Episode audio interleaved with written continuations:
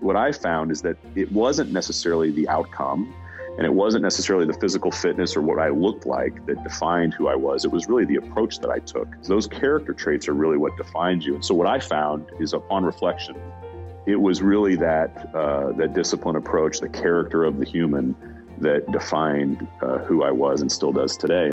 That was Brian Weaver, and you're listening to episode 163 of the Building Psychological Strength podcast, where we uncover the information, tools, and techniques to turn our minds into our most valuable asset.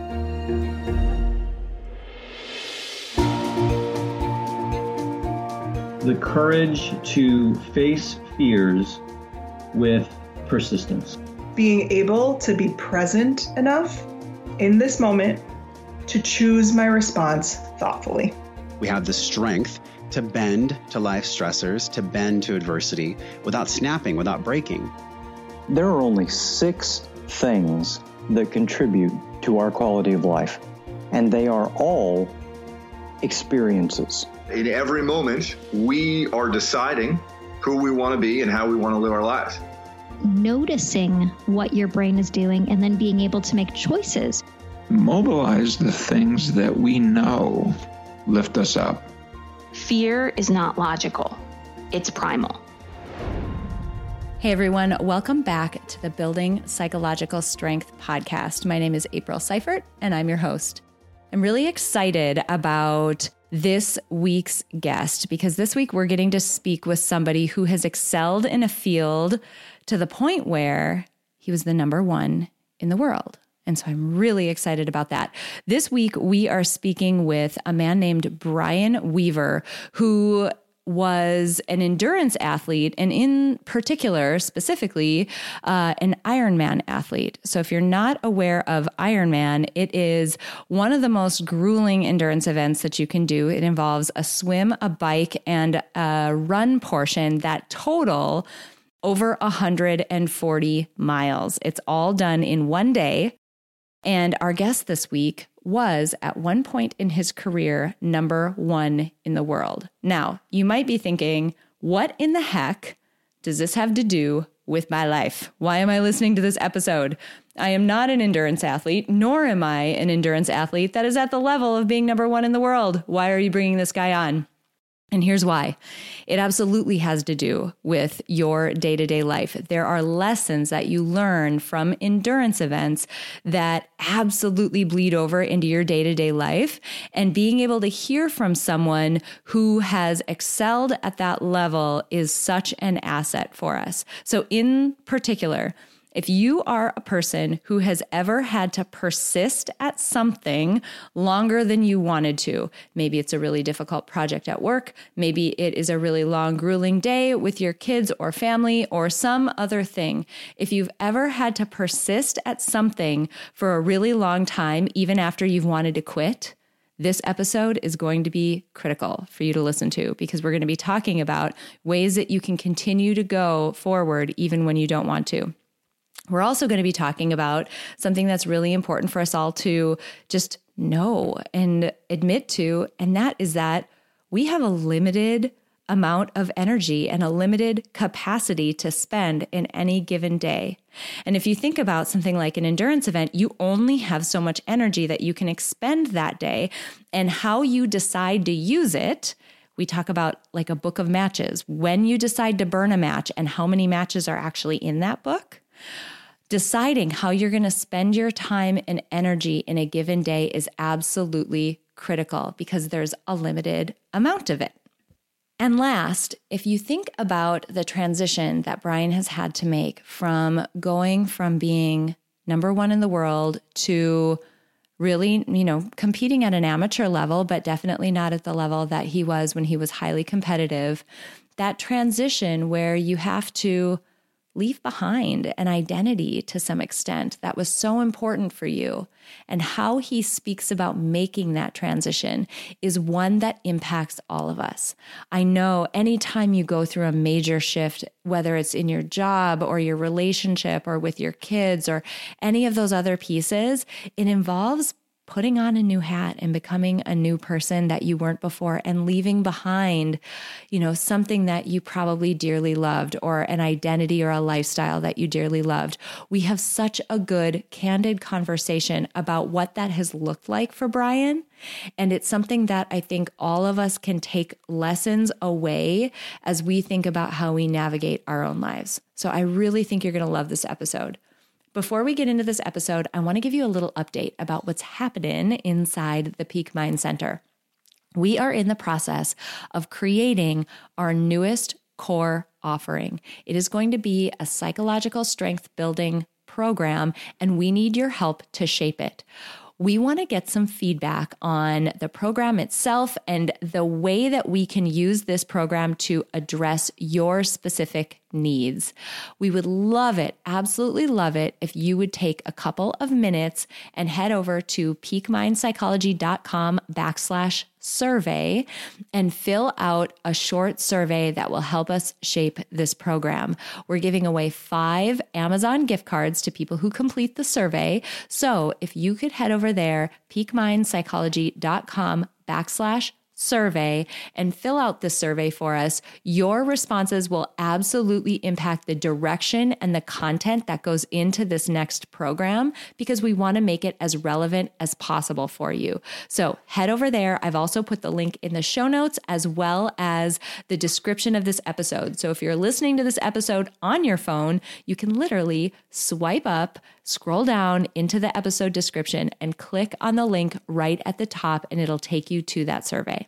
And last thing before we dive into this episode, a quick listener shout out to Austin Bell, who left this review on iTunes. It's titled Absolutely Inspiring. And the review says These podcasts are little gems packed with the insights of wisdom and self compassion. April does the deep dive with her guests, and the results reveal the sorrow and joy of what it means to be human, fully living and fully loving, nourishment for one's heart. This review is so wonderful to read. Thank you so much, Austin Bell. In particular, I love the words self compassion in this review.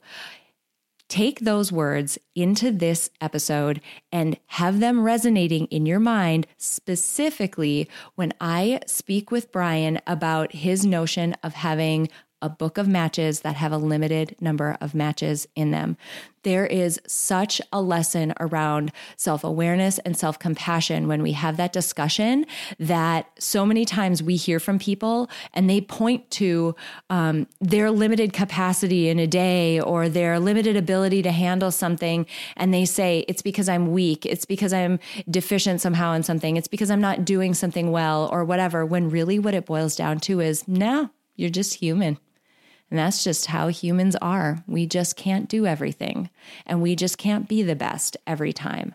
So I want you to take that notion of self compassion that uh, Austin Bell mentioned in that review. Thank you so much for that review, by the way. That Austin Bell mentioned in that review. Take that into this episode and have that resonate in your mind as you're thinking about how these aspects of this interview apply to you in your life, in your job, in your relationships, just broadly as you're moving through life. All right, I cannot wait for you to hear this interview with Brian Weaver. So let's dive right in. Brian, I'm so excited to have you on the show today because you have some expertise in a really cool area that is very applicable to people's daily lives, even though at the outset it might not seem like it. So I'm really excited for our conversation. Thank you. I'm uh, excited to be here. So you have an interesting, I'm just going to dive right into it because it is something that I'm really interested in. And I hope by the end of this conversation, this audience will be too and see how relevant it is to their daily lives. You uh, are quite the athlete. Um, you have been, um, you've competed in a competitive Ironman. Can you tell this audience a little bit about Ironman, how you got involved in it, and the level at which you were competing in this endurance sport. Yeah, it's actually kind of a funny thing. You know, I played tennis in high school and uh, actually ended up, I, I live in Kansas City with my family today. And I uh, had an opportunity to walk onto uh, the the Division two championship winning team. Uh, you know, as a as a college freshman, I played a couple of years of tennis at the university that I attended, and I was probably, honestly, to be completely honest, I was the worst tennis player on the team. Was super passionate around it, um, but man, I would I, I just uh, ran circles around the team from a fitness perspective. I ran faster, longer. I could run stairs uh, back then. I'm not that old but it, you know still we did aerobics and i would still do all that stuff. So i, I think i was sort of this uh, i don't even know. I, I, picked the wrong sport in high school you know? Mm-hmm. um, and so i was kind of this frustrated thing. And, and so as i got a little older and and moved through the career i started picking up running and uh, I thought that was kind of interesting. And I ran, uh, you know, kind of short, not short distance for a professional runner necessarily, but but you know, under ten mile kind of runs uh, pretty religiously in my twenties. And then honestly, I started building a company, and so I drifted away uh, from being fit. I got overweight, believe it or not. Um, and uh, you know, it was the you know wine and steak dinner kind of thing, and I'm building businesses and doing all this kind of crazy stuff. And uh, interestingly enough, um, my father uh, was diagnosed with a very rare brain tumor, and he was an Army intelligence guy, had a great career in the military. Uh, I grew up as an Army brat uh, and watched him run, running in combat boots and races. Sometimes my dad put on, you know, little 10k races for vets and and mm-hmm. uh, and military folks, and so I kind of grew up in that environment, very disciplined kind of family. Um, but he had this very rare brain tumor, and he literally was uh, visiting my home in Kansas City, and he laid on my daughter's bed, and the room was spinning, and and you know thought it was an inner ear thing, and he ended up having a softball size uh, tumor on his brain stem. And I, when I learned of this, I'm sitting uh, at a client facility uh, outside in a, uh, a building, uh, one of the customers that, that, I was visiting, and he says, "Hey, you got a minute? I've got this uh, brain tumor." Um, and I'm the only, uh, you know, there's been no adult survivor mm. ever of this of this brain tumor thing. Um, and at some point, you got to come down, and I'm going to go uh, go down to Nashville and get this thing operated on. And so, you know, you're sitting there, you're going, well, what? You know, you got hit in the face. Like, what happened here? Right. And as a as the number one son, the kind of the first, the oldest uh, child, I've got another a younger brother. Um, I had to kind of reconcile that. And so the way I did that, and, and this is kind of the entree into Ironman, was kind of a weird, you know, thing. But uh, I bought him a bicycle, a racing bike, and uh, I gave it to him the day before his surgery. And the whole plan there was uh, that he and I were going to go race an Ironman together. He had done some triathlons, a lifelong runner, and I said, "All right, we're going to go train together, and we're going to go race an Ironman together." So uh, I give this bike uh, in the hotel in Nashville, and I got a picture of him smiling before his surgery. And the next day, he had a, a, a 17 hour brain surgery, and wow. fortunately, he survived. Uh, unfortunately, he was unable to walk for about a month. Um, but I mean, he, you know, they they scraped this huge thing off his brain stem, and he survived. He's the only known uh, adult survivor of this particular type of tumor. Um, and I started training for Ironman, and I hired him a coach at a, a Boulder, Colorado, one of the world's uh, best uh, uh short distance uh, coaches, raced all over um, the continent, uh, all over Europe, and and you know globally. And hired this guy and said, "All right, you're going to coach us, and we're going to go do an Ironman race together." And my father was lying about his ability to do the training, uh, but I started racing and training, and I had you know some pretty you know it was kind of crazy. But the first race I came out of the water kind of in the front pack and I finished the bike pretty good and I could run. And, um, you, you, know, it became this really weird thing where the cosmos reinforced that behavior. Um, but that was my first really introduction to racing. And then, you know, I started winning races. Uh, and it was kind of weird. I think it was because I, I just have this, um, I enjoy solving problems. Uh, triathlon racing uh, at, at the highest levels is all about problem solving, uh, you know, under duress. Uh, it's a long event. Uh, you're doling out effort. Uh, you're trying to be very disciplined on how you do that. And, you know, I, I, would call it burning matches. I only have one book of matches and I can't burn them all. I got to be very strategic about it. And so the game, the gamification sort of of that and that physical effort, the race itself became really interesting. And the part that I really loved most, uh, that made me really kind of addicted to it, was it gave structure to the rest of my life. And as a, you know, kind of a, a, a very energetic, type A business guy, uh, you know, being able to craft my life around a structure of, of key workouts, for example, uh, gave me a lot of uh, structure and gave me purpose and allowed me to actually be very high performing, not only in triathlon but in life and, and professionally. So that was sort of the ent- the entrance. There's a whole other story about my father. I bought an Ironman race a couple years later. You know, I've been, you know, I became very passionate around it. I bought a, a race from uh, Ironman ran it in Kansas City for a while. My father drowned in the first race that I owned. Um, mm. And so there's a whole hilarious story about that. He survived today and he's alive and kicking because he's a, he's a tough old warhorse. But Wow. Okay. Um, you just threw me right yeah. there. I was like, holy cow, what? yeah. You didn't really, okay. you thought I was going to, I know I, we'll get to the psychological strength part at some point, but the, the journey, the journey that I had as an adult athlete, uh, you know, I, Kenny Powers, a semi-pro, um, you know that that for me it was actually a, a really non-traditional journey. Uh, and i kept getting reinforcement at every turn uh, both with not only the the coaching and the discipline and and uh, how my body was able to perform and evolve.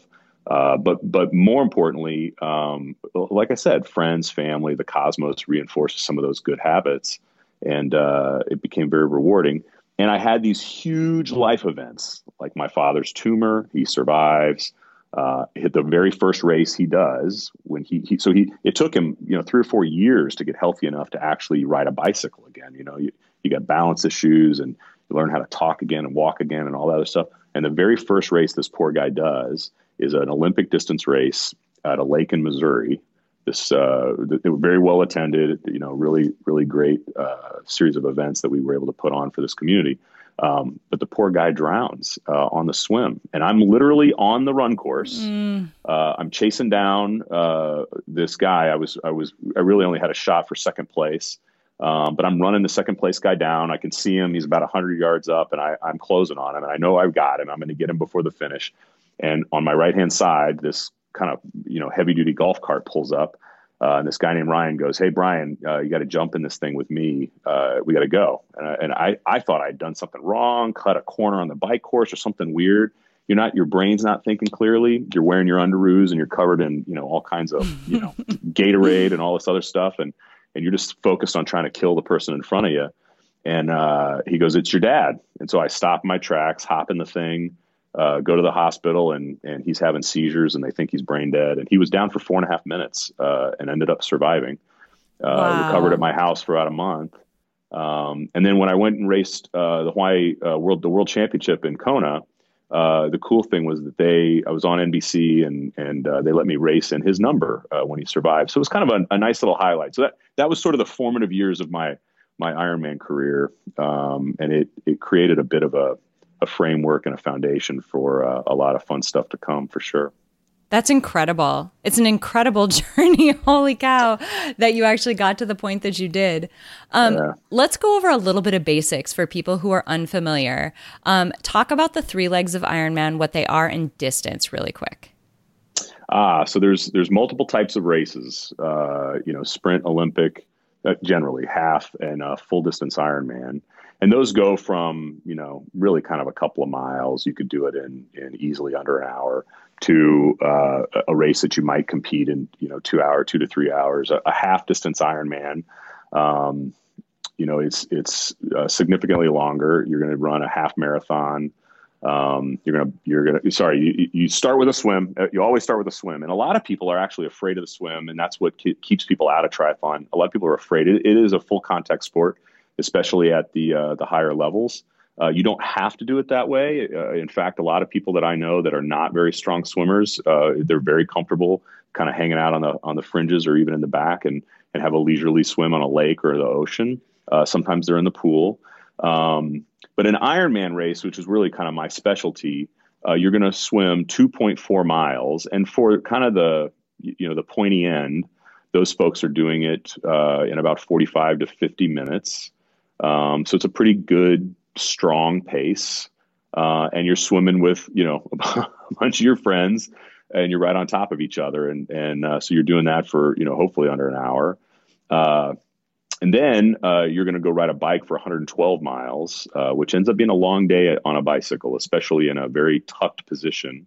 Uh, the the style of bike that that I would ride, and again, other folks in kind of the pointy end, uh, would ride a time trial bike like you might see in the Tour de France, for example.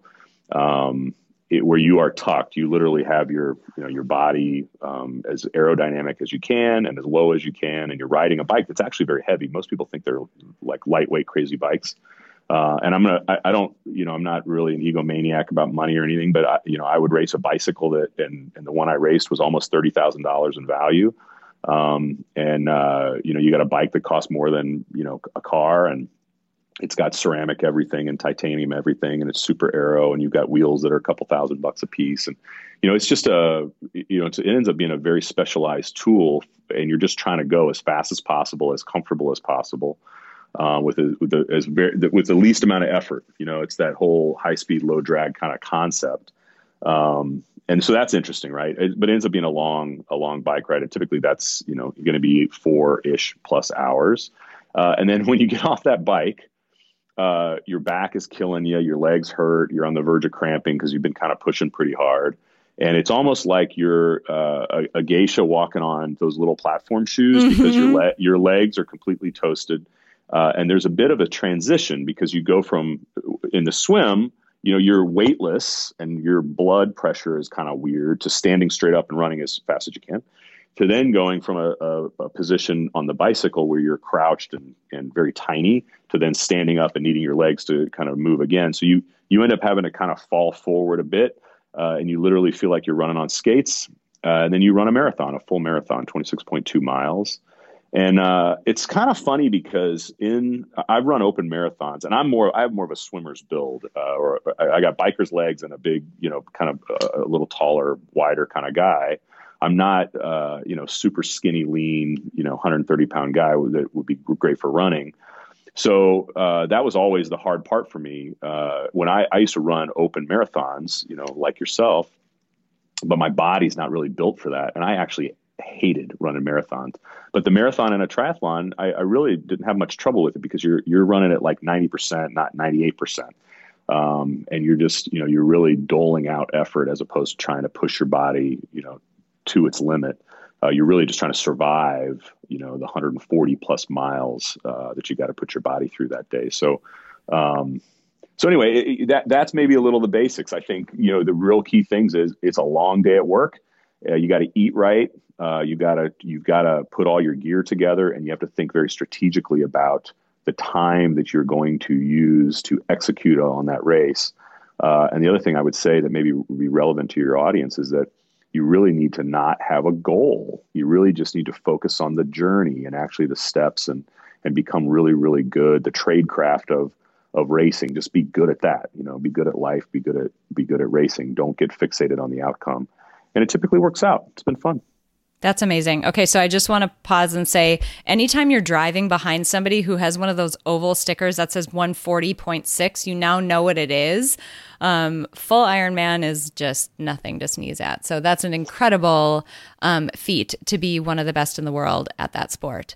Um, so by now, if you're listening to this, you're probably thinking, what the heck does this have to do with the rest of my life? And April, yeah. why are you bringing this crazy seemingly non-human um, onto this podcast to teach me what what is he going to teach me the reason why i was excited to talk to you is there is an incredible parallel and you know as you mentioned i used to run marathons as well and what i noticed in running marathons and any endurance sport anything that you have to do longer than your body would appreciate you doing it um, any of those things you know you go into the sport and you think okay, cool. I'm going to run a marathon. This is a box check for me. Maybe I really want to prove to myself that I can do it, but it involves quite a bit of uh, work to get to the point that you can get there and actually run that distance or, you know, compete in the distance that you mentioned. You think, okay, I'm probably going to get physically healthier at this. But what you realize is that you can kind of train your body to do most things like your body adapts to most situations. The really interesting piece that I got out of endurance events was what happened to my mind and the coping mechanisms and the supportive lifestyle mechanisms that I had to put around myself in order to make my body keep doing what I was asking it to do long past the point that it was kosher with what we were doing. And that's where I really want to dig in here because I want to invite everyone listening to this to think about your life as that endurance event. Think about times when you have been sitting there and thinking to yourself, are you joking? I have to keep going. And this might be a difficult project at work. Like, are you kidding me? Are we still doing this? Like, you have to persist and keep going. It could be a really grueling day at home with your kids, and you were like, Are you joking? It is 3 p.m. I have to keep going. It's just one of those days when you're not into it. You don't want to keep going and doing the thing that you're being asked to do but you have to. And that's where the bleed over for me from endurance events started to bleed over into my life. And I find myself now saying the same things that I said to myself back then, versions of them in these situations where I have to persist. So I would love to dig into that a little bit with you around a few things. Um, for people who, again, find themselves in that situation where they have to keep going. They have to persist. There's no other option. We got to keep going. I'd love to talk with you about a few things. The things that you put around, you mentioned structure in your lifestyle, how to support yourself um, in keeping up with something that is pretty grueling. And also, in while you're in that uh, situation while you're running, while you're training, you know, at the point when your body's like, nope, we're good. I don't want to anymore. Uh, how you kept yourself going. So we can start mm with either one of those, but either one I think is going to reveal some really useful information that this audience can take away to use in their life when they need to persist. So we can start with either of those, either the the lifestyle stuff to set up you set you up for success or the stuff that you do in the moment to keep going. Either one of those is great.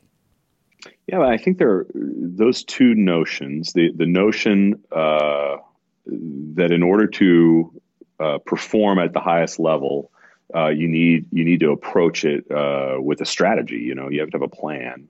Uh, and actually, that plan is what underpins or actually enables your ability to kind of push forward. And what's really interesting about my career is I I, I got injured uh, racing Ironman. Uh, I hurt my body, uh, you know, and and uh, ended up losing an organ because of it uh, years later. So it it ends up uh, for me being a really interesting journey in life where. you know, today I, I, cannot perform at the peak that I was, you know, when I was number one in the world, for example. Uh, and that was this magic moment where I could actually my body I could do anything you know and, and it was a it was an awesome feeling. I know as a professional athlete um, why you know that would be kind of addicting uh, when you have that level of fitness. Um, it's it's kind of a special thing. But I think I think the first thing and I think it, this is uh, applicable whether it's you, you, know truly exercise or or racing uh, or something you want to do with your family. Um, I've got two daughters and a great wife. Um, uh, or professionally, right? I think the the first kind of thing is the, the the part that I discovered, I guess, in this journey was that the the structure was was absolutely critical. Most of the time, you kind of move through it, and I think uh, you know many of your listeners may may you know work out every day, uh, that workout schedule, if they go to a class or they have a, a, you know a series of events, that that the time of those uh, uh, you know sessions and that creates a bit of a structure that you can kind of lean on. So the first thing would be be disciplined about that structure. What I found was that the, the time management was the, the one of the most important components. Everybody's got uh, you know competing priorities and.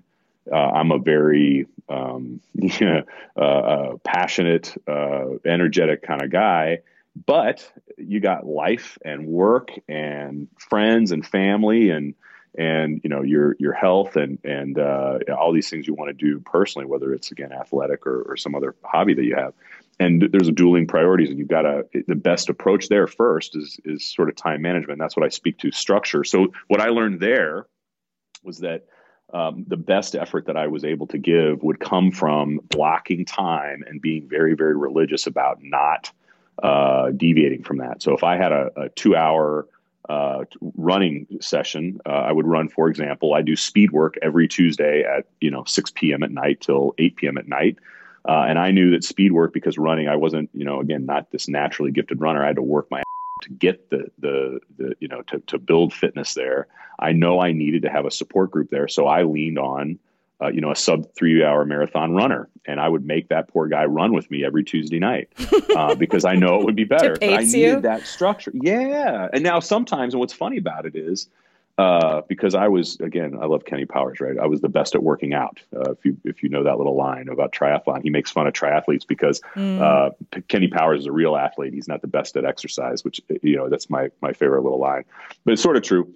But there were there were times where I would beat this guy's name was Terry. I'd, sometimes I'd beat him, but uh, often I, he would be you know killing me. Now I had you know a couple hundred miles of biking you know on my legs, and I'd run I I you know been swimming ten hours that week, and you know whatever. But uh, that's neither here nor there. I still had to try and perform at that level, and so I knew that I needed a bit of a support group. Um, a bit of a running partner, and I actually use that metaphor even in business today. Having a running buddy, um, having somebody to kind of hold you accountable, um, both personally, professionally, emotionally, spiritually, that is an important partnership. And what I find is that that comes in different levels. I've got friends that are like that for me. My wife is like that for me. Uh, I've got training partners that are like that for me. Uh, I do some weightlifting today, and and uh, I've got folks that are there that you know you know the, the, kind of that support network is what what creates it. But you have to have this religious approach.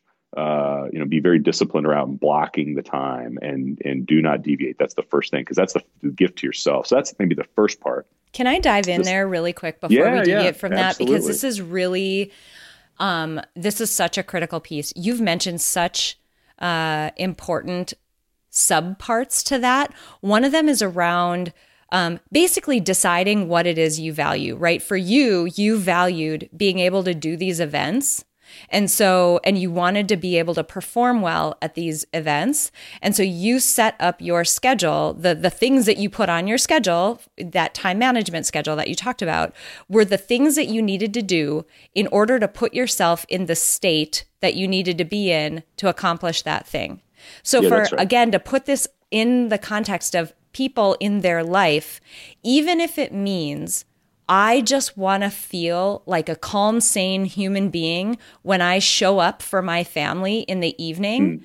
Think about that as your goal. What do you have to do during the day in order to put yourself in that state? Maybe it is a workout. Maybe it's something else. I talk to people about um, probably every third post you see on Instagram these days is about some person talking about how they do morning pages and yoga and meditation for their morning routine.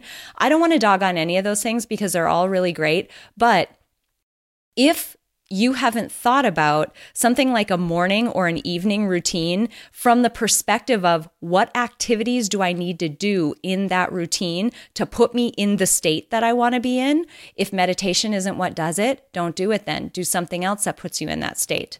So yeah, I the one, the, yeah, and I, I don't disagree, and I don't mean to cut you off, but No, I think go the, for it. The, the, yeah, the one thing that I would challenge there is is the is being outcome driven, Mhm. Um, as opposed to really trying to figure out what I mean. What I found in my life is if I fixate on a desired outcome, I will almost inevitably fail uh, every time. So I, I, if the notion is I'm gonna, you know, make my kids love me, or I'm gonna be a happier person, or whatever, I think that's all you're all you've already sort of failed. I think I think what you have to decide is, uh, t- to your point, I I was very disciplined every single year, and I still am. I would plan my year around a race. So a, a- as a highly competitive person, even today, um, and I just got done doing this uh, last month, right? I, I actually put markers, uh, you, you know, out there of events that I'm going to do in 2020, um, and I then orient the year around that. But it's not outcome driven. So I would say um, that that one you you got to create structure. So having the events that you say are going you're going to prioritize, Mhm. and I think you've got to look at that. Uh, you know, I had family stuff that I had to prioritize. That was always first. I had professional stuff that sometimes came last, but I had some you know the athletic stuff too. But I would decide what that prioritization would be early, early, early in the year, and I would because events and time is probably the easiest way to create structure. I would focus on that. But then I think the key thing is just decide what what is your value system. You know, like what kind of culture are you trying to create in your family, Mhm. uh, with your friends, or or again workout partners in my case. Um, and then you have to kind of decide you- are, h- how is your behavior going to impact those things. And I think it's all of that together. Um, hopefully works in concert Um, but but again, I, the only thing I would I believe that most people, and especially in the in kind of the metaphor of, of Ironman racing, which is a very complicated sport, um, to do well, most people that chase a number or a finishing position or something, they they fail. Uh, and, and, again, I think that that's true in life too, whether it's chasing money in a business or um, you know some other artifact of success. I think that is, I, I, believe that that's the first big mistake that people make.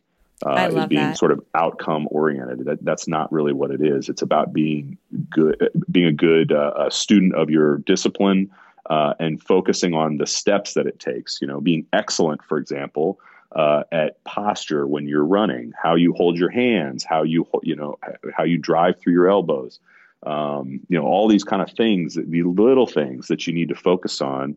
Um, that's what will will create that outcome. And if you become excellent there, then the rest takes care of itself. So again, I won't I won't beat that horse, but but I see, especially in in racing, I knew that I could beat anybody that was fixated on time they would do all these crazy things, including taking drugs, by the way, which I, I never did. A, a, a you know, I, I, I, was accused of it sometimes, uh, but absolutely have never taken an illicit drug.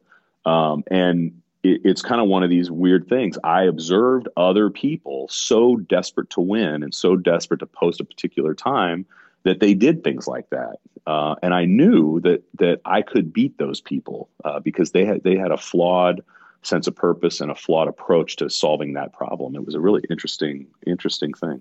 That's I love that. Okay, that's an amazing distinction, and again, another connection point to um, a lot of the folks in this audience and the way that we might think about um, uh, life and maybe the outcomes that we're used to getting. I'll like fully say, just a personal experience. I was one of those people. Um, you know, especially in my in my 20s when I had, you know, more time, more bandwidth, all of that. I was one of those people who I was used to excelling and doing things really well and whatever. And for a long time, after I had kids, after I got married, my um, businesses took off, that type of thing, I would look at my output or what I was achieving or like the quality or the what I perceived as the quality of what I was doing and I would say, "Oh my gosh, I'm not doing any of these things as well as I'd want to do, but I love the way that you're describing it around it isn't about necessarily that outcome. I mean, let's face it. I mean, I wasn't doing anything horribly badly, but it's more of like it isn't a standard about the outcome. It's a standard about what you're doing in the process and how you're setting up that structure. That feels very protective for people, like a mindset that's very protective for people. Yeah, I think that's right. I think that's absolutely right. I mean, for example, my daughter, she's about to go into college. And so while she's living with us, my wife and I've had these these great conversations about this and and you would I am approaching the dilemma of having a limited amount of time where that my daughter's still fundamentally under my roof uh, and I've got this great relationship with this special kid. But I want it to be deeper, as you know, and I, I have this. I, I, see the end. I see. I see the, the you know the finish line, uh, at least in this this particular stage. And I want it to be as special as possible. So instead of trying to drive to the outcome of I want my daughter to love me more or something like that, um, it, it, what I the wisdom that I have anyway that I'm happy to share is just you know putting some structure in place to make sure that there's uh, opportunities for deeper interaction uh, but not necessarily trying to force it. I think some of that is is kind of all you need to worry about. You just you know set the pieces in place, and then you've got I've got enough wisdom uh, and enough war wounds uh, to suggest that, that you know the rest will take care of itself. Um, so maybe that's a bit of that metaphor. Absolutely. Something else you said, and I'm kind of transitioning us a little bit to the the during the event piece. You said something interesting about how triathlons are a series of problems that you have to solve. And you mentioned you have a book of matches that there is a limited number of matches in there and you have to decide when you're going to burn one. Can you, that feels like a really interesting strategy again that aligns to people who just have a limited capacity in the day and making more of an intentional decision about how they're going to burn their matches. I'd love for you to talk through that and where you came up with that, you know, analogy and how that played out in the sport for you. Oh yeah, I mean, I'm sure I completely stole the Book of Matches concept from one of my one of my coaches. That's okay. Uh, I've been very fortunate in, in, that I've had, you know, I've had two uh, professional coaches uh, that I invested quite a bit, not only financially but but personally in the relationship I had with those folks uh, because I took I took what I was doing very seriously. But but I think that what's interesting is life. Uh, certainly, you know, racing a sport like uh, triathlon, you've got equipment uh, you've got uh, nutrition, um, you've got weather and environmental conditions, uh, you've got competitors and all the other stuff, and and so that that part becomes very technical, you know. and you you have a resource, which is your physical resource, uh, you know, all the calories stored, you know, in your system, and then what you're ingesting and all that stuff, right? So so that ends up being a resource, and then you've got all these variables uh, for the event, and so it's so complex and what you're trying to do uh, as your your machine, your body is kind of moving through that space. You're making decisions on, um, and especially, the, and it's really fun, by the way, when you when you actually are actually racing another human. Um, and you you may be familiar with this in your running experience and some other stuff. You, you, actually are trying to make sure that they hurt worse than you. And I hate to say it that way, but it's absolutely kind of true when you're when you're racing someone and, and some of the the really the most enjoyable moments I had racing at that high level would be for you know a podium position or whatever. But you're you know where the enemy is and you're trying to sort of inflict pain on them because you're trying to beat them at something and you have resources. And so when you think about it burning a match you know that you don't have this bottomless bucket of energy. And again that's true in life and it's true professionally. You've got to be very very cautious about the risk you take because you do not have an unlimited resource, whether it's financial or emotional or, or whatever. So uh, in a race, I always thought of, of, you know, like if I had to put a move on somebody on a bike, um, I was stronger on the bike. And so that, that I could burn matches on the bike. But by the end of the, if I burned too many, then it would corrupt my ability to run. And I was always running for my life, right? So I, I was aware that I could get out in front on the swim. I could I could hold it and lengthen the lead on the bike, and then I'd be running for my life, and they'd be running me down because I'm not a natural runner, right? So I knew that in the swim I could almost you know go as hard as I wanted, and it, it didn't cost me too much. But I had a limited amount of resource on the bike if I wanted to run successfully, and I really ended up having no matches or very few matches left uh, on a, on a run. And so I think you make a decision when you're going to in this case you know dole out some energy but it might be financially too you know you know how what are you going to invest in and you got to prioritize but you're also going to take a, a, measured approach to with you know what's what's happening in your environment i've got you know one particular moment for example there was a guy uh, I was leading the race, and there was a guy that came out of the water. Uh, he actually came out right ahead of me, like one body length ahead of me. Um, but he did not have the technical aptitude that I had. I was able to take off my wetsuit and put on my bike gear, it, it, you know, f- almost faster than anybody in the field. And so, because of that, I left the transition area of the swim, even though he was just barely right ahead of me. I left the transition area with, you know, maybe a 30, 40 second lead. Um, and I was able to extend that. But at the same time, I knew he was there. So I had the awareness that the, that the competitor was behind me. And I actually had to measure where he was and decide and this is maybe where a little bit of my my true nature comes out as the aggressive human that you are when you race. Um, I would try and emotionally wreck him at the turns where we'd see each other. So I would make sure that he would see me in a spot, and then I would actually burn a match and extend the lead as hard as I possibly could on so that the second time he saw me, he, when he's counting the seconds, um, that I would be significantly farther ahead of him. So again, there's th- that little math equation of you know first sighting, and you start counting seconds, trying to figure out how how far the gap is to the second sighting. Um, and that is, you know, I would make sure that I would keep building on that gap so that I would try and emotionally corrupt uh, that person, you know, their confidence and their ability to catch me. I wanted them to say, second place is good enough to give me a little comfortable spot on the run. And so I was able to do that. And I actually had a couple of matches left. He started chasing me down on the run. And in the last six miles of the run, I was able to actually do the same kind of thing on a, on a, one of the turnarounds on the run. And, and uh, I was able to, you know, create a little bit of a gap at the back half of the marathon. And, and there it goes. And so it was a really uh, interesting moment uh, where, again, you've got limited resource and you're trying to dole it out very strategically, again, in racing. Um, and I, I think again, I know that's kind of nerdy from a from a racing perspective, but I find it absolutely true whether it's business, life, uh, your relationship with your spouse, your kids.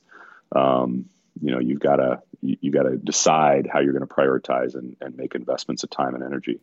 Well, and that's so important because you're you're talking about, you know, two really critical things. Again, to bring this back to just life. And I I keep saying this, but it's there are so many parallels between endurance events and just what we have to do um, when life gets more gets filled with more pressure. But what you're talking about is self-awareness. So you said, I know that I'm strong on the swim, I'm really strong on the bike, and I'm not a great runner you have to know yourself well enough to know where you're going to have more leeway. Think about just a simple extrovert versus an introvert. And I, you know, the transition home for a lot of people going from work to home is always a difficult one, um, or can be. But th- like thinking about if you're an introvert versus an extrovert and what happens to you during the day and what you might want to orchestrate to happen during the day so that you feel a little bit better and have a little bit of energy left in the tank at the end of the day is a really critical and important thing to know about yourself. If you are an extrovert and you haven't gotten enough interaction with people, it might be a good idea to like have a quick conversation with somebody at the end of the day to give you a little bit of energy. If you're an introvert, you might need the opposite. You might need like a quiet time at the end of the day to recharge before you go home. And that could be before you interact with a spouse or a significant other or with your kids or whoever it is. But that self awareness was really key. And the other piece that I don't want to be left um, without, you know, making it a its own point is acknowledging that you have a limited amount of energy. So many times, I cannot describe to you the number of people we hear from, both podcast listeners and people who have interacted with our products in Peak Mind. They'll connect with us and say, one of the biggest things that I got from work from either listening to that or going through that module was self-compassion because I realized that what I was pointing at and saying was a fault of mine, a weakness of mine, something that I wasn't good at, something I need to do better, whatever. As it turns out, I'm just human. As it turns out, I'm just a person who has a limited capacity, like all humans do. As it turns out, my brain does the same thing that all humans with brains, their brains do. And there's not something wrong with me. I just wasn't managing, it, to use your stolen words, I wasn't managing mm. my book of matches well or acknowledging that there are only 20 in there. And that's all I have. Yeah, I mean, I think your point is very well taken. I, and you know, maybe to kind of pile on, it those two critical things. I think, you know, as you get older and and you become wiser, and you're not as a kind of a, a this emotional wreck, uh, and and engaging with every every you know issue that you've got. Um, the wisdom brings you some of that awareness, being self aware, and also recognizing that the structure impacts so much, whether it's family structure, work structure, uh, social structure or just your time calendar. Um, but having that awareness, self awareness, and the structure together to me is sort of like uh, it's the utopia. That again, I I look back on uh, my career as an athlete and and as a professional, uh, and I know the, the, moments where I was the most high performing uh, was when the were those moments where I was the most self aware and had actually the most structure at the same time, and they worked in concert. So mm. was kind of fun. I want to go there now as we're kind of getting to uh, the bottom of the hour today. I, I don't want to let you go without asking you about the transition you've experienced because you mentioned earlier, right? I I couldn't compete at the level that certainly I was at when I was number one in the world. Um, how has that been for you as you've transitioned mm. out of a sport that was so important to you, going from a position of really excelling to a point where maybe you're a little more mortal like the rest of us? But yeah, how has I'm that old? you're so old. Um, how has that transition been and how have you thought about it? Because it would be easy to say, you know, to really focus on what was and now I'm less and now I, you know, like you could see two roads and it feels like you've gone down not that one. I mean, you you speak about it with such yeah. calm and confidence and I'd love to hear about how you've made that transition. Yeah, I mean, I, I had a partial tear of my Achilles drag racing. Actually, my running buddy, I beat him in the race. Uh, I, I won a 10K race, uh, an open race, very well attended. And actually, the the uh, it was my buddy Terry and I. Uh, he he was ahead of me at the start, but I and he finished ahead of me in the race. Um, and the the kind of I'm gonna call him a jerk. I love this guy to death, but I'm gonna call him a jerk because I led the entire race really from from you know gun to to flag, and uh, he passed me, drag raced me at the very end of this race. Uh, the next day, I tore my Achilles, and uh, that that sort of screwed up my running for quite a while. But but I think, and then I got a knee injury, and then I had a bunch of uh, internal organ nonsense because I had overstressed my body training for uh, Hawaii one year, and you know, just all this kind of crazy stuff. And you know, I'll, I'll be completely honest. I miss uh, being in that peak physical shape where I could I could do almost anything. There was this magic little window, um, and I do miss that actually. I also miss uh, the volume of training that I did. Uh, it's really hard for me today. I've got teenage daughters. I've got you know I own three companies. Uh, it, it's all kinds of crazy stuff like that. Uh, but I do miss the volume of, of training. I what I think though is that what I haven't lost is that that kind of mental. It, it, some of the physical resource certainly. I still have some fitness. Right, once you build the engine, it doesn't go away. I can polish it up pretty quick, and that that part you know has not completely left because I've I've stayed reasonably fit and I still train most every day and you know do something but uh, but but I do emotionally miss uh, you know some of that. But what I what I found is that it wasn't necessarily the outcome, and it wasn't necessarily the physical fitness or what I looked like that defined who I was. It was really the approach that I took. Um, and in fact, when you reflect on it, and my friends even that I, I, you know, I'm still very, very close to all the guys I would train with, and and uh, you know, they're they're some of my best friends in the world. Um, we would talk about really the discipline and all those things. Those character traits are really what defines you. And so, what I found is upon reflection, um, you know, going through a bunch of health stuff and and injuries, you know, knee injuries, ligament and stuff, all kinds of crazy stuff from having a, a body that just you know was cranking miles out. Um, it was really that uh, that discipline approach, the character of the human that defined uh, who I was and still does today. And so, I, what I find is that those tools I am just exercising in a different way. I'm, I, I, I have very successful companies. I've got a, what I think is a very successful family. I'm very fortunate for that. Uh, and I think in a lot of ways, it was the pressure of the athletic performance sharpened up a lot of those tools.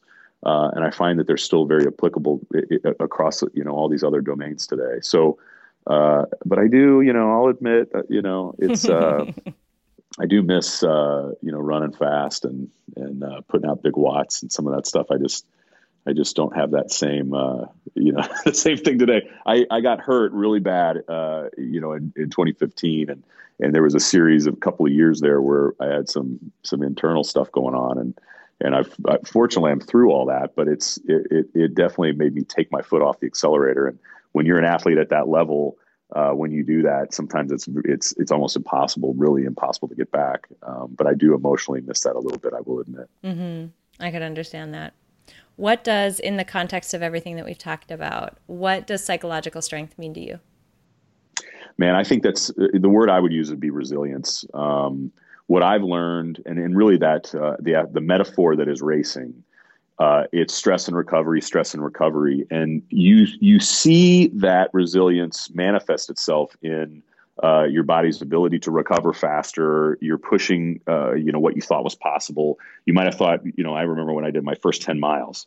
I didn't think 10 miles was possible. And then, you know, I'm running a, a marathon or even a, an ultra distance race, uh, you know, significantly faster than whatever that pace was. And, and I, you know, I think uh, that only comes from this kind of uh, uh, you know stress and recovery cycle and so i think that psychological strength comes from resilience and i think what people miss sometimes is that the lessons life teaches you whether it's you know uh, financial struggles or or interpersonal struggles or whatever realizing that you come out of the other end of that you know healthy and you know you didn't run out of money and you didn't get divorced over it or you didn't lose your friendship over it or you actually uh, you may have failed in that race. I remember the first time I was trying to qualify for the, the world championship.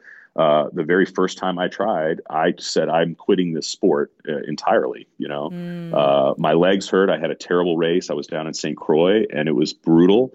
Um, but I, I gave it one more go, and the next time I qualified, you know, and and and was on the podium of that race. And you know, you you just have to get up, dust yourself off, and try again. So I think just the easy the easy answer is, uh, you know, focus on being resilient and know what it takes to get there.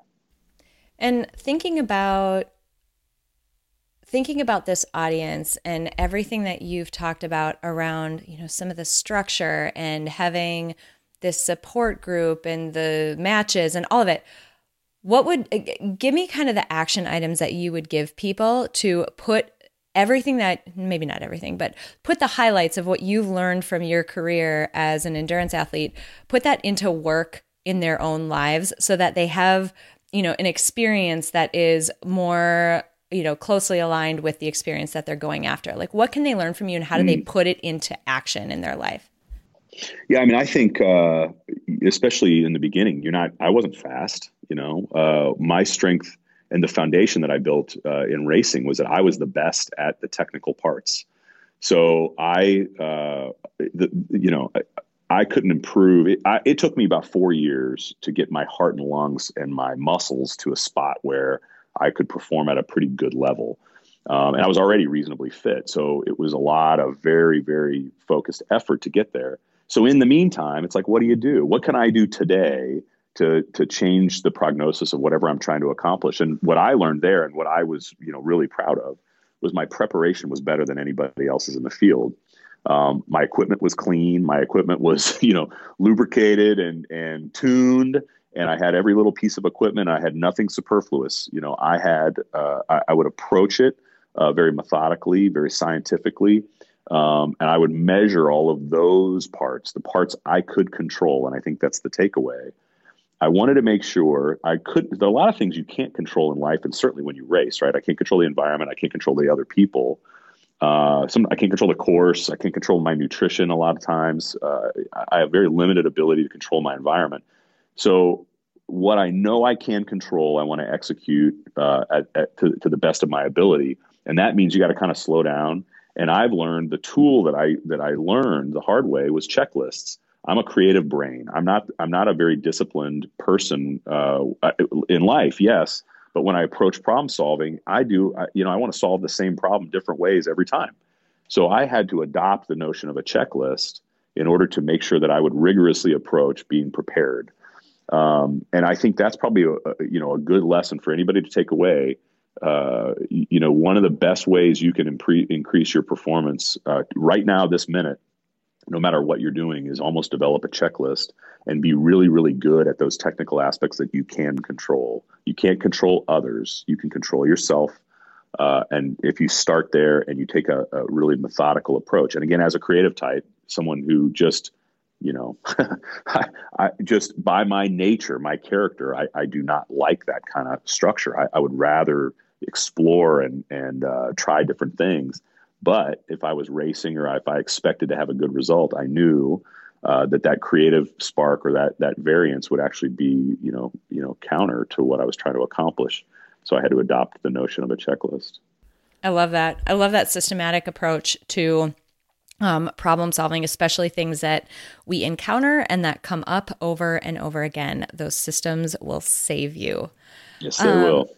As we're wrapping up, I would love it if you could give us some direction about where we can find more, uh, find out more about you. Where can people connect with you?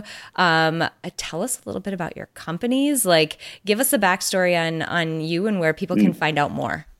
Well, the backstory on me is is kind of long. I've been an entrepreneur for a couple decades, and so that journey has been very, very interesting, uh, full of of uh, great success and a lot of heartbreak too but uh, you know, I hang out on LinkedIn a little bit. Uh, I've, I've enjoyed interacting with folks there, and and I, am in this stage of my life where I love to kind of give back and share lessons. And so, if there's anybody that needs, you know, or, or wants to connect there and and uh, you know, hear some some war war stories, I'm I'm happy, certainly happy to help. Uh, today, you know, I, I own as an investor uh, quite a few different uh, companies. Uh, the you know I've got large uh, holdings in healthcare, uh, and I'm the CEO of a of an artificial intelligence business that uh, does work with lots of big enterprise uh, companies. um, in the United States primarily, including uh, the government. So that's a really interesting dynamic environment.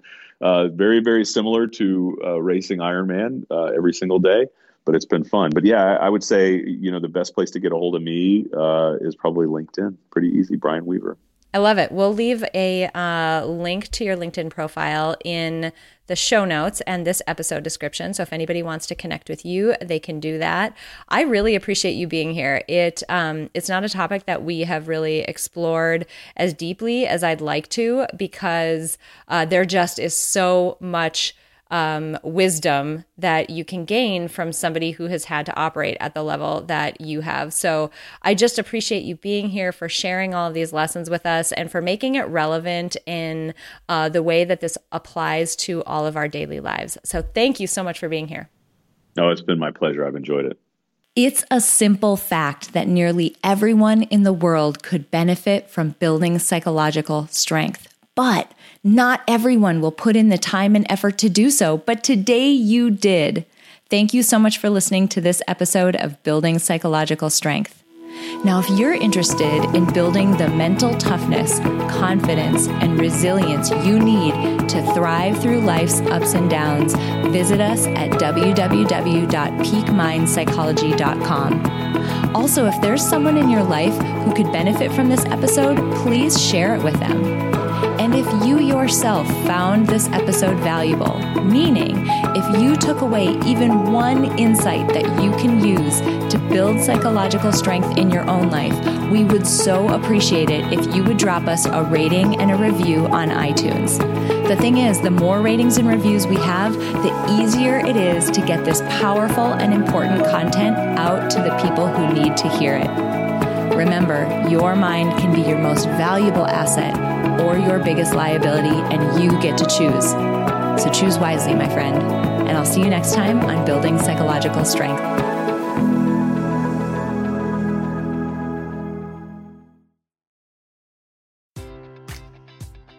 Enjoy all your favorite sports like never before at BetMGM. Sign up using code CHAMPION and receive up to $1,500 back in bonus bets if you don't win your first bet. When you register with BetMGM, you'll get instant access to a variety of parlay selection features, live betting options, and the best daily promotions in the business. And with BetMGM at your fingertips, every play and every game matters more than ever. Remember to use code CHAMPION and receive up to $1,500 back in bonus bets if you don't win your first bet. Place your money line, prop, or parlay bets with the king of sportsbooks today. BetMGM and GameSense remind you to play responsibly. See BetMGM.com for terms. 21 plus only, Virginia only. New customer offer, subject to eligibility requirements. Rewards are non withdrawable bonus bets that expire in seven days. Gambling problem? Call 1 800 Gambler. Promotion, promotional offer not available in Washington, D.C. At Parker, our purpose is simple. We want to make the world a better place by working more efficiently, by using more sustainable practices, by developing better technologies. We keep moving forward. With each new idea, innovation, and partnership, we're one step closer to fulfilling our purpose every single day. To find out more, visit parker.com/purpose. Parker, engineering your success.